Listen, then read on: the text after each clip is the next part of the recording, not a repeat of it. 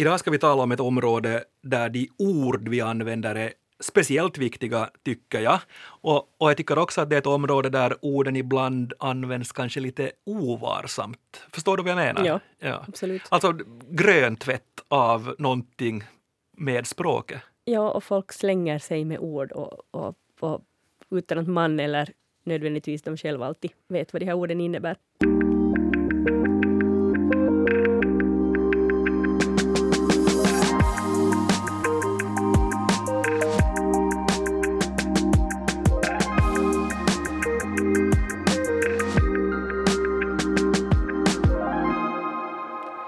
Näst sista ordet är tillbaka med mig, Jens Berg och språkexperten Jenny Silvin. Hej! Och genast bums och utan krusiduller säger jag också välkommen till dagens gäst Anna Korkman. Hej! Tack så mycket. Jätteroligt att ha dig här Anna. Du är i slutskedet av dina studier i folkrätt vid Åbo Akademi. Du är också en ung politiker som profilerar dig med frågor gällande klimat, miljö och hållbarhet. Jag ska säga, citera en sak här som du bland annat har sagt citat Anna Korkman. Alla politiska beslut som nu fattas bör vara hållbara för klimatet, miljön och den biologiska mångfalden. När, Anna, blev klimatfrågor din hjärtesak? Det är kanske någonting som jag nog har på något sätt inte har blivit i ett visst skede en hjärtesak utan alltid varit jätte sådär relevant i mitt liv och någonting som vi alltid har pratat om hemma. Men eh, när jag var ungefär 19-20 år eller så här, så då, det var just då samtidigt som det, de här IPCCs rapporter kom ut och, och så vidare och så vidare. Och då så, så började jag kanske aktivare fundera på hur jag skulle kunna engagera mig aktivt i, i de här frågorna och vad jag som en ung studerande kan göra för att motverka klimatkrisen. Och då så, så det där eh, blev jag vegan och bland annat och på andra sätt så försökte jag genom mitt egna handlande äh, vara så klimat och miljövänlig som möjligt. Och, och sen så, det där, så beslöt jag mig också för att engagera mig politiskt. Jag tänkte att, att det är också ett sätt som man kan, man kan påverka och, och då så, så 2019 ställde jag upp i riksdagsvalet och, eh, och sen nu på sommaren eh, 2021 så kandiderar jag kommunalvalet. Mm. Så det är liksom framförallt via ska vi säga, det du gör själv och politiken som du påverkar? Eller har du andra kanaler också när du, där du driver ditt påverkansarbete? No, jag tycker nog att en jätteviktig kanal att, att påverka är, är liksom genom bara diskussioner med människor runt omkring mig. Och sen, ja, så att det är nog kanske just det här liksom via ens egna handlande och, mm. och så där som, som jag ser att det är det viktigaste. Mm. Vilket språk så där överlag använder du i, i, i påverkansarbete när vi talar om, om, om frågor, frågor gällande hållbarhet? No, främst nog på svenska och jag tycker att det är viktigt att för mig att, att, att liksom tala om de här frågorna på svenska för att det kanske i, i svensk Finland så, så finns det ett behov av att, av att använda de här orden som, man, som finns inom den här diskussionen. Uh, men sen så i Finland om man engagerar sig politiskt och lever här så, så det, går det ju också mycket på finska. Mm. Och engelska så lä, läser man ju mycket och, mm. och talar och så här. Så att mm. det, det är kanske de alla tre språken. Mm. Mm. Ja. Nej, för att, för att jag, tänker, jag tänker sådär också att, att, att mycket av det här sker på, på internationell nivå, på, på ett globalt plan där där det är engelska som, som gäller. Och jag har märkt med mig själv, åtminstone när jag har jobbat med de här frågorna, att, att i offentliga sammanhang så har det blivit svårt för mig att hitta de här svenska orden. Att det är så mycket engelska som gäller när det gäller hela den här terminologin mm. kring koldioxid och kring utsläpp och kring, kring hållbarhet. Men det här är bara mm. min reflektion, att det, att det har varit mycket engelska, men det kanske beror på mig. Mm. Men hur, jag, jag ställer samma fråga till, till dig Anna, den, den jag ställde, ställde Jenny här i inledningen också. Hur mycket har du märkt av gröntvätt av en verksamhet med språket, alltså när det gäller företag, politiska partier, andra aktörer som använder luddiga formuleringar om att de är minsann hållbara med sina mm. utsläpp och så vidare i reklamer och annonser och sådär om du förstår. Jag vet inte sen att jag heller att är, det grönt vett nödvändigtvis? Men att nu stöter man ju på liksom det här att man använder begreppet hållbarhet och grönt överallt, liksom på alla produkter, eller många produkter när man går till butiken så nu för tiden så, så, så lovar de här då företagen att, att deras mjölk eller vad, som, vad det nu kan handla om så är hållbart producerad och ja, hållbart är ett ganska luddigt begrepp. Mm. Ja, det, det är det, för att det här är ju alltså både då akuta frågor förstås, de är eldfängda, det ser man i det offentliga samtalet, och därför är det ju på något sätt också helt avgörande att de termer, de ord och de uttryck vi använder om betyder de saker de, de betyder om vi då för ska, ska försöka uppnå FNs hållbarhetsmål som finns beskrivna i Agenda 2030. Och jag tänkte vi skulle titta lite på, på några av de här äh, mest centrala, de vanligaste termerna. Och du var inne, Anna, på hållbar utveckling. Vad skulle du säga att hållbar utveckling är? Alltså hur skulle du, hur skulle du definiera det? När använder du hållbar utveckling? Jag tror att alltså, jag själv använder hållbar utveckling ganska sällan. För att jag tycker att det är ett eh, lite för vagt begrepp. Eh, så att om jag, då, då skulle jag alltid säga att det ska vara liksom socialt, ekologiskt och ekonomiskt hållbart någonting, vad det nu handlar om. Och det vet jag att också den här FNs definition av det här. Eh, men, eh, och sen samtidigt att om det är någon modell, eh, någonting som ska vara liksom hållbart så att man också tänker att, att det är någonting som, som inte kommer att orsaka problem för eh, kommande generationer. exakt. att det är någonting som, som, som är lika bra då som nu. Och, Mm. och det där. Ja, men, men sen så förstår jag också att, eller, att det här hållbarhet och hållbar utveckling kan betyda jätteolika saker för olika människor Mm. på olika platser, eh, i olika lokalt eller nationellt, nationellt eller internationellt. Så det är nog ett, det är ett svårt begrepp som, jag, som kanske lite missbrukas Mm, ibland mm. också. Det är lätt, liksom, ofta tycker jag, i den här liksom just miljödiskursen, att det blir så att lätt för dem att säga där i Bryssel eller lätt för Mm. dem Ja. att säga där i Helsingfors. Att där kommer den lokala aspekten upp. Men alltså din definition var ju alltså ruskigt nära den officiella definitionen. Okej. För här finns alltså med alltså utveckling som tillgodoser dagens behov utan att äventyra kommande generationers möjlighet att tillgodose sina behov. Och här ingår just den här tre dimensionerna, ekologisk, social och ekonomisk hållbarhet. Ganska bra! Mm. Bra, Anna! Full träff. Ja, Ja, jag har nog läst den några gånger. Ja, men det är ju, det är ju ett, sånt det här, det är ju ett sånt här signalord, ett sånt här signalbegrepp på samma sätt som miljövänlig och, och grön. Och, och det, jag har också märkt det där att man kan tala om hållbar utveckling, men då, då då, då kommer man inte in på det att, jo, att vi, vår verksamhet är hållbar idag i jämförelse med hur den var tidigare eller hållbarare. Men då kommer inte det här in då som finns i definitionen utan att äventyra kommande generationers möjligheter. Och, och det är liksom det någonstans som, där, där jag upplever att det här begreppet blir vagt. För att det glömmer man ibland bort när man vill påvisa på något sätt att man själv eller min verksamhet är hållbar. Ja, så, så att det är bättre räcker inte, utan det ska inte bara vara bättre, utan det ska alltså vara bra. Det ska vara bra så att det också är bra för, för våra barn och barnbarn. Sen en annan term som ibland också används lite slarvigt har jag märkt är biologisk mångfald. Det gick bra Anna med den förra. Hur skulle du säga liksom, när du talar om biologisk mångfald, vad, vad är det? Jag tycker själv att det är en ganska bra definition och ganska beskrivande för att, för att det är liksom biologisk mångfald. Sen är en synonym till det biodiversitet som jag tycker att, att används ofta mera och den, och den är sen kanske lite sådär, okej okay, biodiversitet eller inte lika beskrivande men, men biologisk mångfald för mig så tycker jag att, det, att, att man hör på det ordet att, att det betyder att det finns ett mångfald av arter.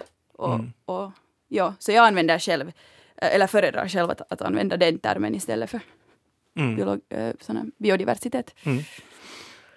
Rikedom av arter, av genetisk variation inom arter samt av de ekosystem som arterna ingår i. Mm. Och där är, väl, där är väl det som är, som är utmaningen, att biologisk mångfald blandas ihop med, med då enbart det som du var inne inne på, artrikedom. Att mångfalden så är, så är också då den genetiska variationen inom en art. Att det ska Alltså- finnas många, det ska vara blandade och, och sen gärna flera underarter Ja, representerade. Alltså artrikedom är då typ att, att vi har humlor. Det är viktigt att vi har humlor. Men, men en, en biologisk mångfald, då är det viktigt att vi har både jordhumlor, att vi har fjällhumlor och att vi har en massa olika sorters humlor. Och sen tänker jag att, att där ingår ju också att så jag tänker när det gäller humlor så är det kanske liksom risken för inavel nu inte så där jättestor. De, deras, Jag känner inte till så jättemycket. deras förökning är ju annars också lite så här skum, de här steklarna, i och med att den är haplodiploid, det vill säga den sker både könligt och könlöst. Välkommen till Språkpodden, näst sista ordet med Jenny Silvin. Ja, jag tycker det här jag tycker haplodiploidi är ett av de roligaste ord jag vet. Det är Jag måste ju alltid använda det när jag kan. Men, alltså, men jag tänker sen när det gäller alltså större djur så, så är det ju viktigt till exempel att, att flockar kan komma att mötas. Att det inte blir sådana här slutna utan liksom korridorer där flockar kan komma åt att mötas. Mm. För annars blir den här genetiska variationen också väldigt liten. Att det blir inavel och sen Mm, blir sant, ja. djurlivet av sämre kvalitet, mindre livskraftigt därför Mm. att de är för nära släkt med varandra. Mm. Men sen alltså i den här biologiska mångfalden ingår också till exempel att det ska finnas växter av olika ålder. Mhm. Att nu om det finns år, alltså vet du, vet du ettåriga eller fleråriga växter, så det är liksom alltså sådana som ändå vissnar och dör, är det ju liksom en sak. Men alltså det ska finnas träd, till exempel att skogsbruket ska gärna ske på ett sådant sätt att det tillåts finnas också gamla träd i en Mm. skog. Därför att de utgör livsmiljöer som yngre träd inte kan. Alltså eh, djur som bygger sina bon i, i gamla murkna träds håligheter så länge det står upprätt och också att de här liksom fallande stammarna tillåts ligga kvar. Ja. Man kan kanske till och med samla dem någonstans men i alla fall att det finns alltså Mm. murknande trä för att det finns alltså livsviktiga insekter och, Mm. Och kvalster och annat som sen bor Ja. i de här Ja. nedbrytare. Dödved tror jag man pratar om också i det, i det sammanhanget. Mm. Sen till ett annat begrepp som, som har diskuterats jättemycket under de senaste månaderna och det är utfasning av fossila bränslen. Vad säger du där, Anna? Använder du det? Utfasning av Ehm. fossila bränslen? Nej, jag vet inte om vi har använt det. Men... eh, eller så har jag använt det, jag vet inte vad det är. Eh, men eh, ja, det betyder väl att vi ska, att vi ska sluta använda fossila bränslen som kol och olja och gas och gå till ett samhälle där, där vi använder förnybara energiformer i allting som vi håller på med. Mm. Ja, det, det är väl alltså just, det här står det igen att den officiella definitionen att det är en samhällsomvandling som innebär en successiv övergång till ett samhälle som inte använder fossila bränslen. Mm. Och inte heller på annat sätt orsakar nettoutsläpp av växthusgaser till atmosfären. Det här med nettoutsläpp får vi komma ja vi till senare. tillbaka till det. Men, men jag tycker just att, men jag tycker som du att det är en ganska genomskinlig term. Att man Mm. utfasar, det betyder att inte nu så här, man slutar inte som i en vägg, men att man liksom trappar ner, Ja. gärna snabbt. Ja, men för, det, för, för mig så, så har det också varit, varit lite besvärligt att fatta det där att det liksom är hela samhällsomvandlingen det handlar om. Att det, det är på något sätt inte enbart det där att vi slutar använda kol och, och olja, utan, utan det handlar också om, om allt då med, med växthusgaser, med boskapsuppfödning, med cement och ståltillverkning. Att, det, att, att utfasning av fossila bränslen så gäller på något sätt då hela den här omvandlingen av våra, av våra samhällen. Och, och det jag tycker var, var intressant, jag vet inte om du hur mycket Anna du var, du var inblandad i FNs klimatkonferens i Glasgow nu 2021. Men, men där så blev ju den här skrivningen på, på svenska då utfasning i den här avslutande överenskommelsen så blev nedfasning istället. Och nu pågår ju en, en jättestor diskussion kring att, att vad är då nedfasning av, av fossila bränslen? Hur skiljer det sig från en utfasning? Vad säger ni om det det? på något sätt att den är total, man liksom släcker ner, alltså man bara kör ner helt och hållet, inte vet jag. Nej, alltså nedfasning så tror jag är ett, ett mjukare Jag ord. tycker också att det låter som ett mjukare ord. Ja, Att, att, ja, att vi tar det lite långsammare. ja, att nedfasning så kan vara, vara så där att vi, vi bara går några steg, men utfasning så då går man hela vägen ut Ja. genom dörren. Ja, nej, då kan Jag det, tycker alltså, det var lite så ett typiskt ord som man brukar använda liksom i de här, när det är de här eh, stora konferenserna, så sen blir det någonting så där, där mitt emellan, så Ja. där slut. Ja. Men medge att det här var, det var ganska intressant för vi tolkade Ja. på olika sätt och det här tolkade jag alltså nu på jätteolika sätt också, att vad man menar med nedfasningen. Just Men det det. kan hända att min tolkning inte ens var helt uppriktig, utan jag tolkade det som jag ville att det skulle vara. Alltså, Ja. Vet ni, att jag tycker att det här är det som borde göras. Ja. Ja. Men Och, det, och, och då ja. tolkar jag det som enligt det. Ja. Mm. Sen har vi då själva målsättningen och det är då koldioxidneutralitet. Och det här är också ett, ett ord som, som har diskuterats en, en, hel, en hel del. Vad säger du om, om, om det? Använder du koldioxidneutralitet? Ja, jag använder nog det. Eh, och det där, det är kanske ett ord som jag tycker ändå att jag har sett sådär när jag har läst tidningar och Mm. liksom någonting som håller på att bli, bli ett ord som man använder ganska, Mm. ganska mycket i svenskan.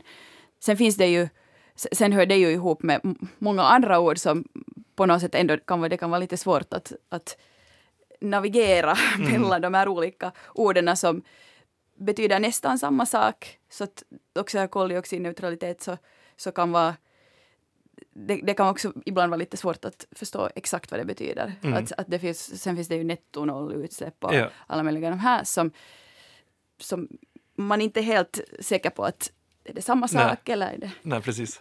Men handlar inte ko- koldioxidneutralitet om att man i produktionen av någonting ska liksom binda lika mycket som man släpper ut? Ja. Om, om den här verksamheten i sig släpper ut CO2 så då kan man då kompensera.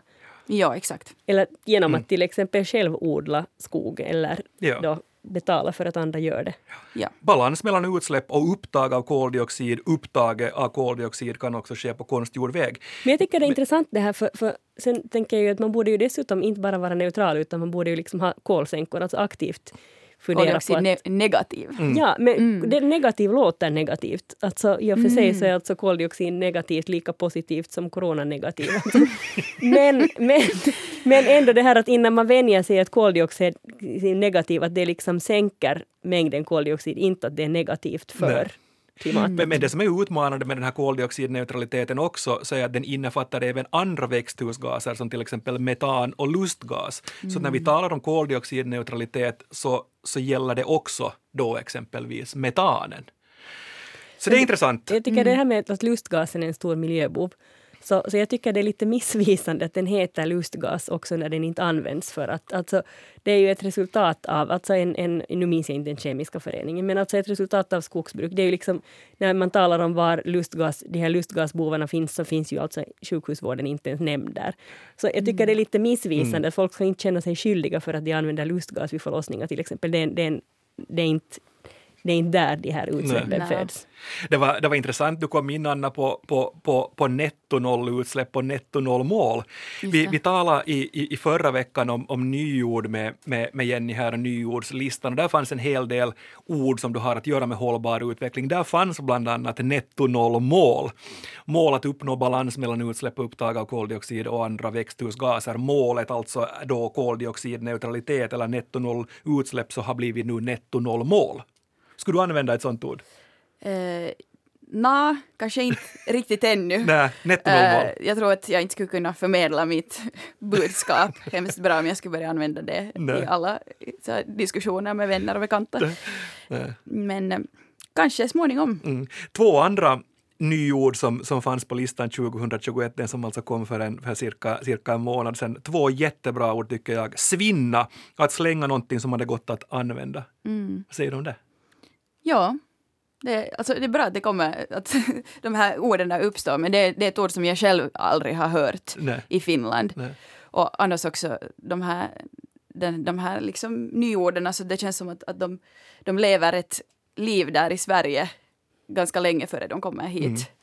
Och där, fann, ja, där Jag fanns jag tycker också. det. Ja, svinnlåda är bra. Ja, det är liksom Ja. ett av en av dina favoriter. Ja, det, det, det tycker jag sägs, alltså, för det tycker jag säger vad det, det handlar om att minska matsvinnet och då säljer man bort, liksom rear bort lådor eller liksom samlar varor som annars skulle ha Mm. slängts. Och matsvinn vet vi ju vad det Ja, betyder. exakt. Ja. Men jag tycker att det här svinna tycker jag inte ens är särskilt genomskinligt. Tycker inte. Jag tycker inte att det... Nej, jag tycker inte heller att det är helt... Så svinnlåda är bättre än svinna. Ja, Ja, att, att svinna 2-1, någonting. Jag så- tycker inte att det är liksom, då skulle jag bara säga slänga. ja, ja. Det är alltså många nya ord och uttryck som dyker upp på det här området. Och det är ju så att nya fenomen kommer hela tiden när det handlar om då begreppet hållbar utveckling och, det, och de här fenomenen behöver nya ord och termer. Vi ska nu fråga oss hur det går till när man skapar de svenska orden och motsvarigheten till de engelska termerna som finns i, i, i den här diskussionen och, och debatten. I Sverige har man tillsatt en grupp som jobbar med att ta fram de korrekta termerna på, på svenska och den här gruppen heter Hållbarhetstermgruppen. Vi ska ringa upp språkvårdaren Linnea Hanell från Språkrådet i Sverige. Hon är en av dem som just nu jobbar med den svenska terminologin för hållbar utveckling.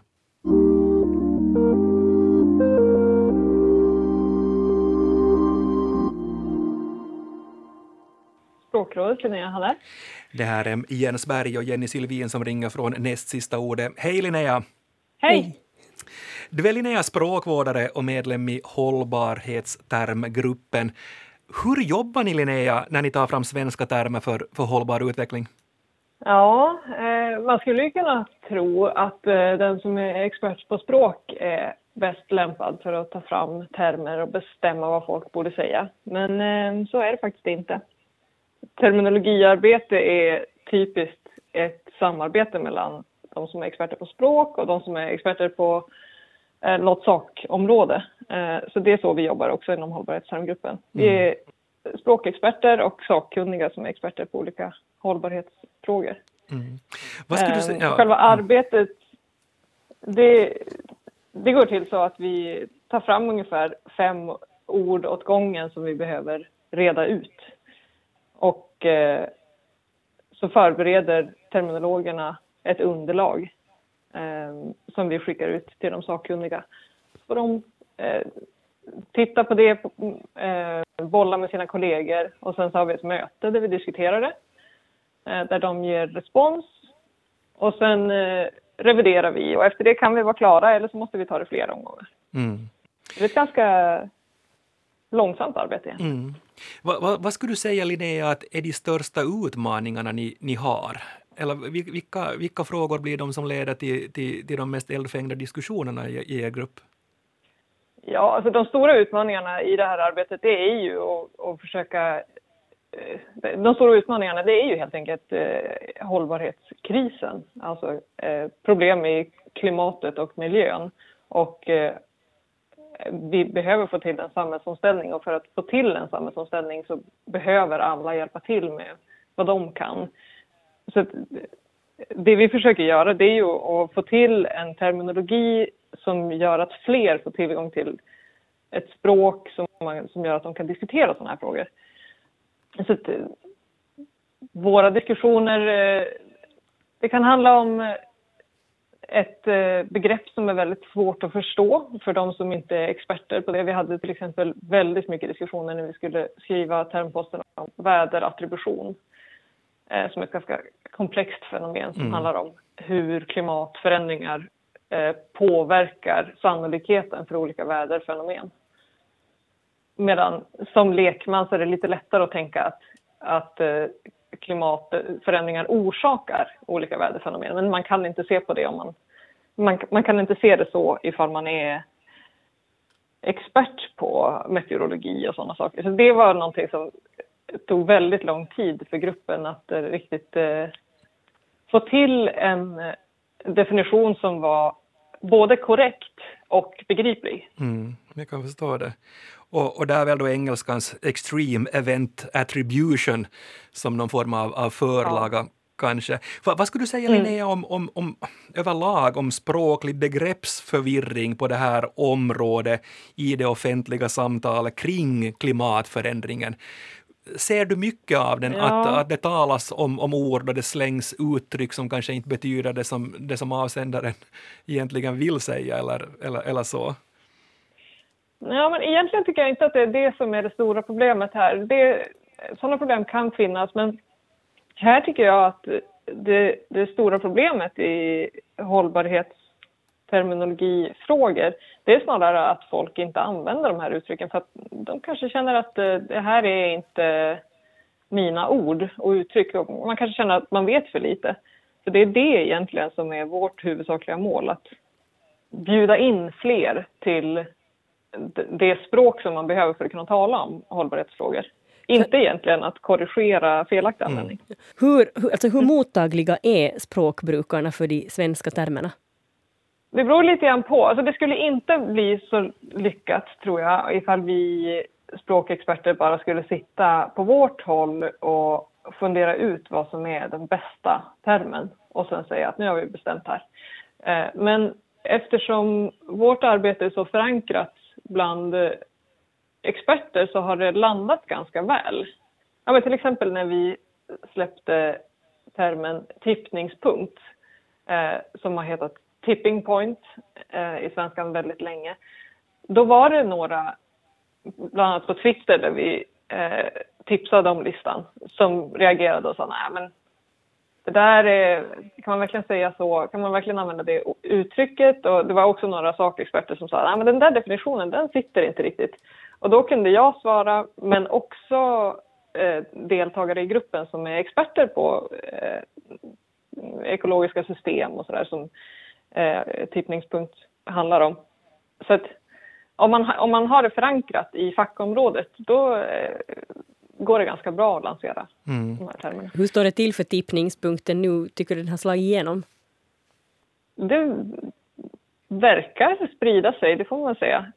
Det var ju också med i Språkrådets nyordslista.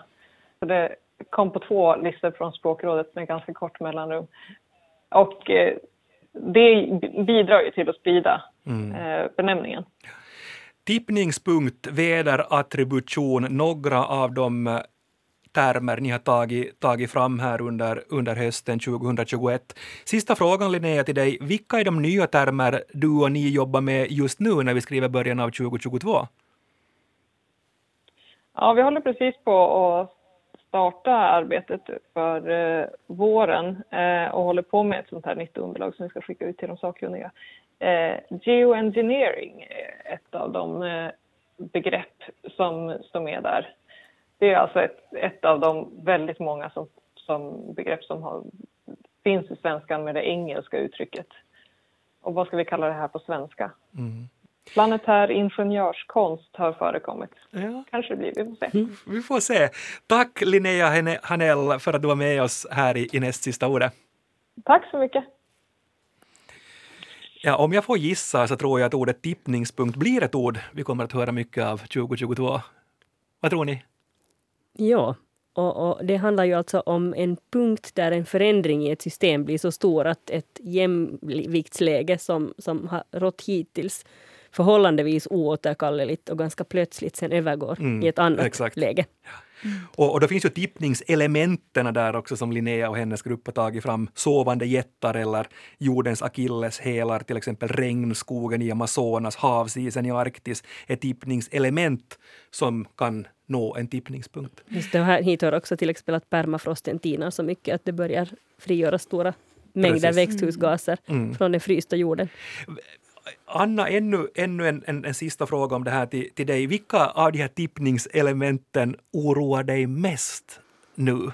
Mm, det är svårt att säga vilka som oroar mig mest för att de, de är ju alla i ett dåligt... Alla, alla, alla är på ett dåligt, ett dåligt skede och, och vad heter det, för, förvärras snabbt. Och sen vet man inte heller att liksom sen om no, no, någonting kommer till en tippningspunkt så skapas nya punkter och, och det liksom så att allt, allt hänger ju ihop med varandra så att de oroar nog mig, alla de här mm. elementen. Mm. Så vi borde hitta på ett ord när tippning, en tippningspunkt leder till en annan tippningspunkt som leder till en tredje tippningspunkt. Så det kan, det kan vi ta, ta med oss att fundera ut ett, ett sånt ord. Dags för det bortglömda ordet och det är du Jenny som har plockat med dig idag. Vad har du tagit med dig? Jag har tagit med mig ett kort ord, ack. Ack. Ack. Ja men vad härligt, det har jag inte hört på jättelänge. Akkuv. Det är kort och vackert och, och, det är ett ord som enligt svenska... Använder du Anna det? Ack? Nej, men kanske jag borde börja. Förlåt. ja, så här är det. Alltså, jag vill inte alls ta åt mig äran för att ha återuppväckt det här ordet, utan det är alltså faktiskt min exman som brukar använda det här ordet till allmän munterhet. Och inspirerad av honom så har jag också börjat använda ack. Och din, och din exman är 212 år gammal? Nej. Men äh, det är alltså ett ord som enligt Svenska Akademins ordbok uttrycker klagan, vemod, sorg eller saknad. Och jag vet inte när det gick ur mode, men, men eh, mest är det väl bekant från sånger och dikter nu för tiden. Men det roliga är att jag kommer på rak arm att tänka på den här julvisan Raska fötter springa tripp, tripp, tripp. Mamma har så bråttom, klipp, klipp, klipp. Och där säger barnen alla barnen ropar ack, ack, ack. Snälla rara pappa, tack, tack, tack för att han har varit julbock. ja. Och där uttrycker de verkligen varken klagan, vemod, vemod eller sorg. Och den här sången den heter alltså på riktigt heter den Liten julvisa, jag måste ju ta reda på hur mm. gammal den är. Och den är alltså från 1901 och den är skriven av Sigrid Sköldberg Pettersson. Det som är intressant är att melodin är skriven av Emmy Köhler som är mest känd för att ha tonsatt Nu tändas tusen ja. juleljus. Ja, det, det, ser man ju i de här psalmböckerna. Ja, exakt. Ja. Men, men sen förstås i folkvisan Ack värmeland du sköna, så där uttrycks ju starkt vemod. Mm. Och, och var inte det också i, i tyskan ach du lieber Augustin, Augustin, Augustin, det är säkert samma sak. Ach, ja, jag kan inte säga vilken, vilken nyans ach, ach har i tyskan. Nej. Nu. Men jag tror men, att det betyder det, samma sak. Ja, det kommer, nog alltså, det kommer ju nog alltså från, från tyskan och det fanns just någon sorts forngermansk koppling, att det är liksom mm. därifrån ordet kommer. Men jag tycker just ack, att det är en typisk situation, det går illa för en i något kortspel, så kan man utbrista i ett ack istället för att använda VSP-ord. Tack. Det finns potential. Det finns potential, ack, ack. Tack Anna Korkman för att du gästade oss idag. Det var härligt att ha Tack dig. Tack så mycket, det var jätteroligt att vara här. Att ha dig med, ja. Och, och har du som lyssnar, lyssnare ämnen du tycker att vi kunde ta upp här i näst sista ordet, eller undrar du varför vi använder olika ord och uttryck i de sammanhang vi gör, skriv till oss då på nastsistaordet yle.fi. Men nu för denna veckan säger Jenny och Jens morgens.